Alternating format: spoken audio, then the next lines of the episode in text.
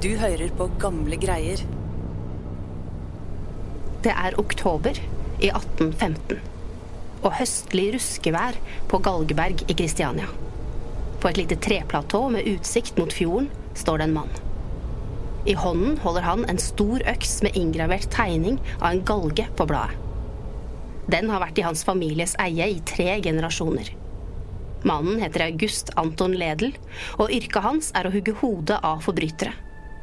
Nå er bøddelen klar til å utføre sitt arbeid. Flokker av mennesker trekker opp mot retterstedet for å få med seg den sjeldne hendelsen. Den straffedømte blir brakt fram og opp på platået og legger hodet på blokka og blir holdt fast. Folkemengden følger nøye med. Noen strekker hals. Så leses dommen opp.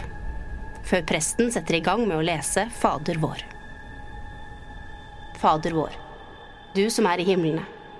Helliget vorde ditt navn. Komme ditt rike. Skje din vilje, som i himmelen, så òg på jorden. Gi oss i dag vårt daglige brød, og forlat oss vår skyld.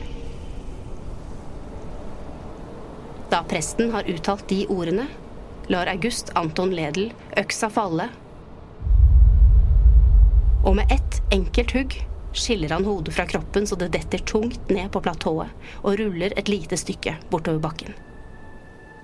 I årevis har August Anton utført sitt arbeid på eksemplarisk vis og tatt livet av dødsdømte raskt og uten unødvendig pine. Men innen han fikk gitt øksa videre til sin sønn, skulle hans rykte som en stødig halshugger få kraftige sprekker.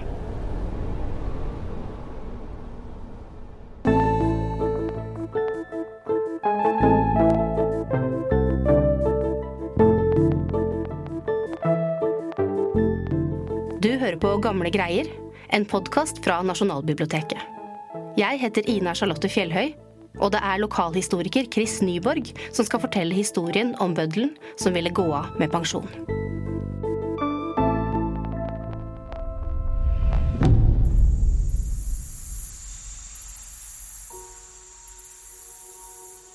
Det var en sommerdag i Kristiania i 1799. Den 42 år gamle August Anton Ledel jobba som snekkermester. Han var flink med hendene og snekra kommoder og klaffebord som han solgte til Kristianias befolkning. Denne dagen fikk han en trist beskjed. Hans far Frans Ledel var død. For August Anton betydde det ikke bare at han hadde mista sin far, men også at han nå skulle føre familietradisjonen videre og overta farens jobb som bøddel for hele Østlandet.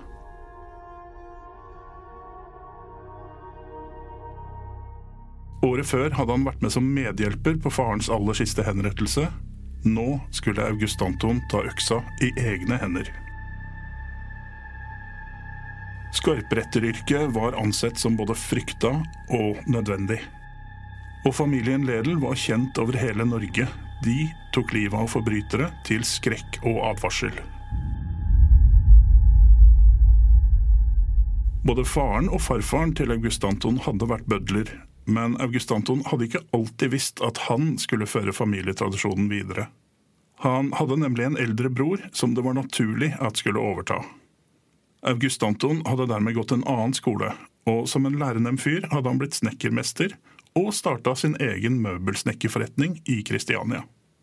Men broren hadde valgt en karriere i militæret, og dermed var det August Anton som ble arvtakeren, og begynte å assistere faren på jobb.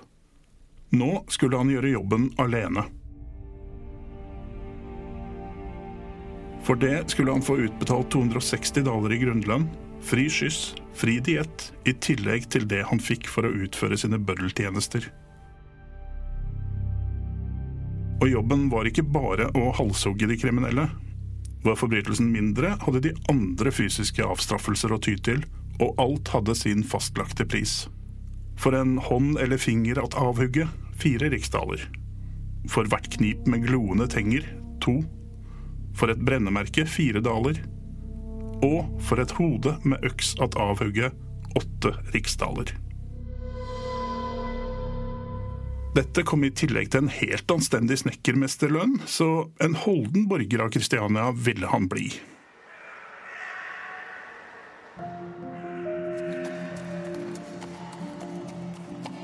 En høstdag fire år etter farens død ble det for første gang sendt bud etter den nye bøddelen.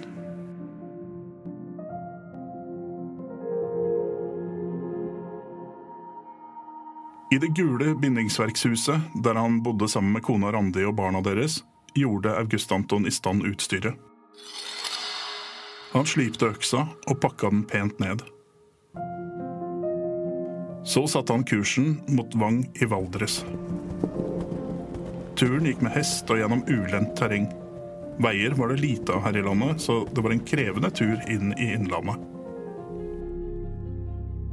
Der hadde Torkil Bjørnsen Gåsdelen tatt livet av sin nabo Ove Flaten etter en bitter nabokrangel.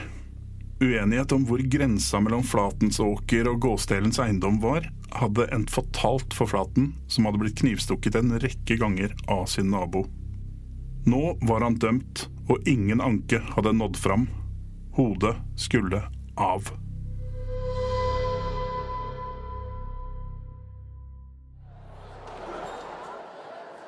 Da bøddelen kom fram til Valdres, var det mange som ville se henrettelsen finne sted. Og snart kunne den oppmøtte folkemengden se den dødsdømte komme gående i lenker. Vakter hadde henta ham helt fra Akershus festning og ført ham tilbake til stedet ugjerningen hadde skjedd. Han ble brakt opp på treplattformen, skafottet, og måtte ned på kne og legge hodet på ei treblokk mens vaktene holdt ham fast. Skjorta ble skjøvet ned så nakken var blottlagt. Tilskuerne fulgte nøye med. Så ble dommen lest opp, og presten trådte fram og begynte på Fader vår med høy røst. Turen var kommet til August Anton Ledel. Han grep om skaftet på øksa, som både hans far og farfar hadde brukt før ham. Han trådte fram. Nå gjaldt det å utføre jobben på samme profesjonelle vis som hans forfedre hadde gjort det. Treffe nakken til den dødsdømte på akkurat det riktige stedet. Ett hogg var idealet for en halshogging, så det gjaldt å treffe presist, og for all del ikke bomme. Folkemengden venta i spenning. August Anton heva den to kilo tunge øksa, sikta seg inn og hogg til. I én bevegelse, med ett enkelt hogg, skilte han hodet fra kroppen. Hodet falt på bakken og ble snart plukka opp av hans hjelper, bøddelknekten, som tok hodet med og spikra det opp på en stake til skrekk og advarsel. Og August Anton kunne puste letta ut over at hans aller første jobb hadde gått helt etter boka. Da arbeidet var over, kunne August Anton Ledel vende hesten mot Kristiania og familien igjen. Vel hjemme fra Valdres hadde de litt mer penger, og August Anton kunne fortsette sitt virke som snekker. I årene som kom, laga han dusinvis med stoler og bord i tresorter som flammebjørk, or og mahogni. Hos ham kunne man skaffe seg både skatoll og spillebord med klaffer, nøye og hendig utført. Og slik gikk dagene, til neste gang det ble sendt bud etter bøddelen.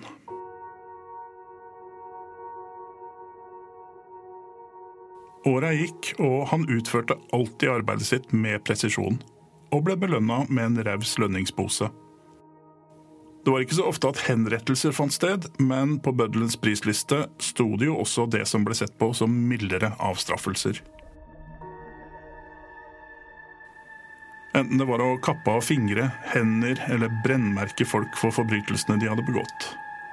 Og jevnlig ble han tilkalt og bedt om å ta med seg skarperetterøksa fordi lovets strengeste straff skulle gjennomføres.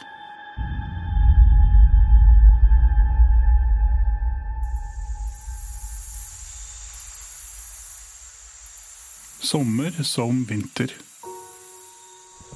Bøddelen tok turen fra sitt gule hus på Kristiania torg og til Hallingdalen, Odalen eller Skjeberg, enten det var sensommervarme eller kaldt marsvær.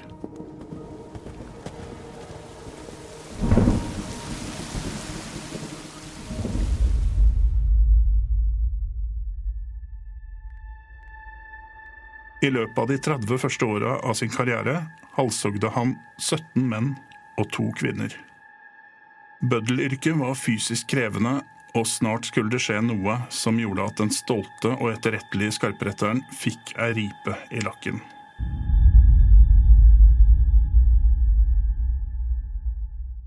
August Anton hadde begynt å bli en gammel mann.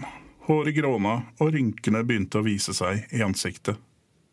Det var 27. februar 1832, og August Anton Ledel hadde blitt 75 år gammel. I det siste hadde helsa begynt å skrante.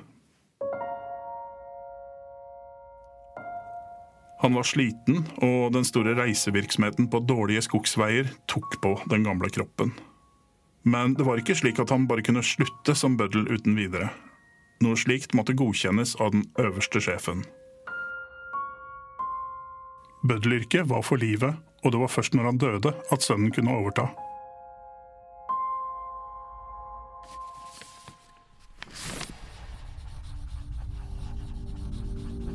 Han tilkalte en profesjonell skriver som skulle hjelpe ham med å skrive et brev til kong Karl Johan for å be om å bli løst fra sin stilling som bøddel, og at hans sønn Guttorm ble satt inn i hans sted. Han ville nødig komme i en situasjon der han hogde feil med øksa og mislyktes i en halshogging. Jeg har således utført mitt arbeid i noen og 40 år. Tatt i betraktning min høye alderdom, henimot 80 år, plager det meg ikke rent lite å foretage reiser til lengre fraliggende steder. Brevet ble sendt, og gamle Ledel gikk og venta på svaret. Men det lot vente på seg. Både våren og sommeren gikk uten noe brev fra kongen. I september fikk han nedslående nyheter. En massemorder fra Søndre Land var dømt til døden. Siden August Anton ikke hadde fått noen beskjed om at han kunne gå av som bøddel, hadde han ikke noe valg. Han måtte pakke øksa og la hesten spenne for. Så bar det av gårde til Søndre Land med den gamle bøddelen. Nils Nilsen Narumseie var blitt dømt for å ha drept hele åtte mennesker med øks, og deretter ha brent ned hele gården. Alt av et stjålet lommeur. Og nå var det han sjøl som skulle møte øksa. Ledel møtte opp på kanten i Søndre Land og gjorde seg klar. Og folkemengden skulle snart bli vitne til et grufullt skue. Bøddelen trådte fram med øksa i hånda. Med skjelvende hender løfta han øksa. Men nå var det ikke noe reint hogg som kom, men et feilslått et som ramma på sida. Halsen til Narumseiet var for vanskelig å kutte over. Ledel trengte en rekke forsøk på å ta livet av Narumseiet, noe som ble møtt med forferdelse blant de som så på. Morgenbladet 13.9.1833. Skarpretteren var denne gang mindre hellig enn sedvanlig, da han fire ganger brukte sin øks før han fikk av det forbryterske hodet. Folkemengden gispa, og blodet fløt. Flere snudde seg bort i avsky.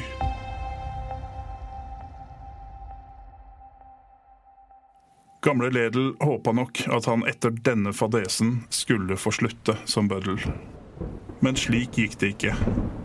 For snart ble det igjen sendt bud etter 76-åringen. Den neste henrettelsen skulle finne sted 19.9. i Nord-Odal og Ledel la pliktskyldigst ut på turen.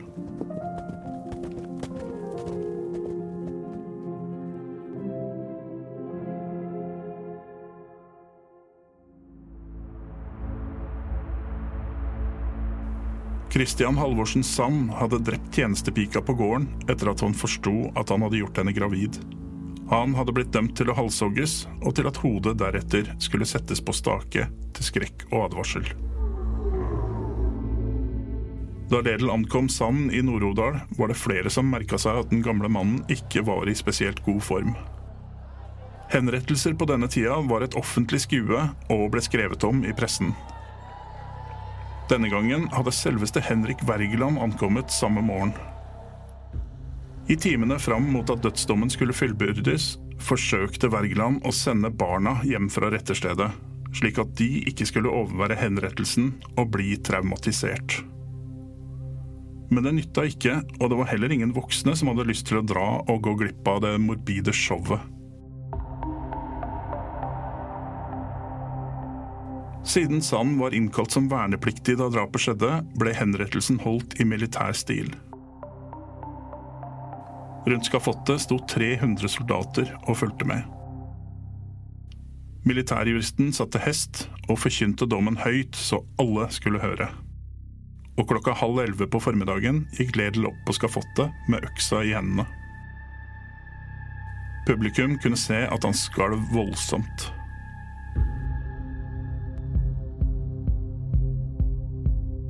Da han heva øksa, gikk det om mulig enda dårligere enn forrige gang.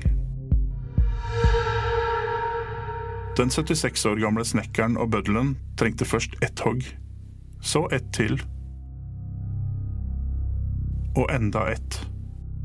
Den skjelvende skikkelsen gjorde heller fem hogg med øksa. Borte var de rene hoggene han hadde gjort som ung mann. Til slutt ga han seg til å skjære fram og tilbake med eggen på øksa.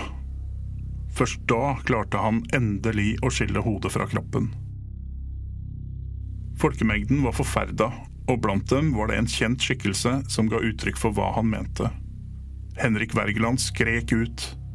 Dette skal bli siste gang dere skal få lov til å fullbyrde en dom. Morgenbladet beskrev henrettelsen 25.9. Først etter fem hugg og derpå følgende saging med øksen mens knekten holdt i håret, klarte den gamle skarpretter å skille hodet fra kroppen. Forferdelsen var stor, og avisene kritiserte metoden og Ledel sjøl for at han hadde utført arbeidet sitt, til tross for at han ikke syntes å være i stand til det. Denne og Nils Narumseies henrettelse har den før så dyktige, men nå alderstegnede og skjelvende skarpretter utført med så lite hell at man har grunn til å vente at han ikke oftere vil påta seg en sådan eksekusjon. Det ville være ønskelig om henrettelser kunne foregå med falløks eller giljotin.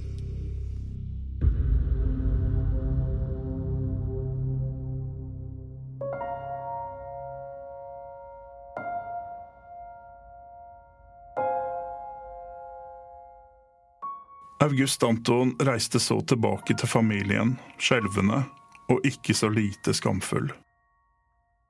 Han var gammel og i dårlig form. Han hadde utført sitt yrke med stolthet i over 30 år. Nå måtte han vel få lov til å gå av som skarpretter.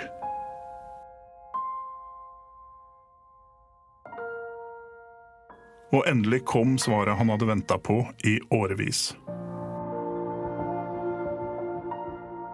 August Anton Ledel ble fridd for sitt virke som bøddel.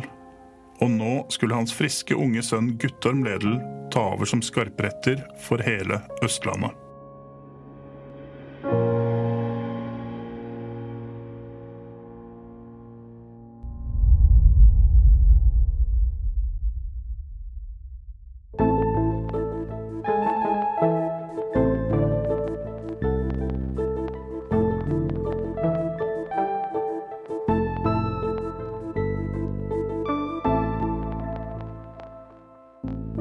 August Anton Ledel var skarpretter for hele Østlandet fra 1799 til 1833, da han endelig fikk fratre og hans sønn Guttorm overtok familiebusinessen.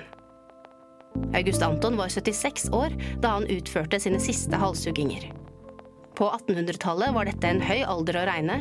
Likevel er det en del opplysninger som tyder på at det ikke bare var alderdom som hadde svekket ham. Han arbeidet både som snekkermester og skarpretter, og var vant til å håndtere tunge redskaper. Men fra 1832 og utover viser kildene at han hadde fått problemer med å bevege seg, og i tillegg skalv kraftig på hendene.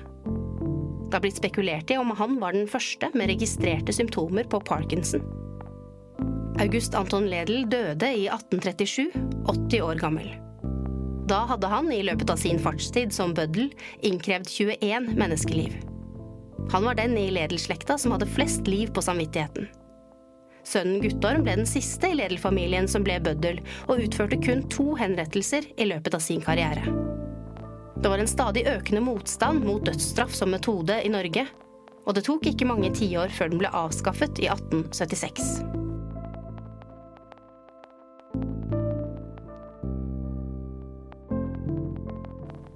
Du har hørt en episode av Gamle greier, en podkast fra Nasjonalbiblioteket. Episoden er laget av Chris Nyborg, Live Fedler Nilsen, Dang Trind og meg, Ina Charlotte Fjellhøy. Sitatene ble lest av Dang Trind og Ole Albert Rønning Nordby. Kilder til denne episoden var Uten nåde, De henrettede i Norge, 1783 til 1814, og Ondskap, De henrettede i Norge, 1815 til 1876, av Torgrim Sørnes. Artikkelen Skarpretter fra lokalhistorieviki.no. Bøddelen som bommet, fra tidsskriftet Den norske legeforening, av Per Olav Wold Olsen og Espen Didriks. Aviser og intelligenssedler fra Nasjonalbibliotekets arkiv. Musikken du hørte var fra Epidemic Sound og spesialkomponert musikk av Therese Aune.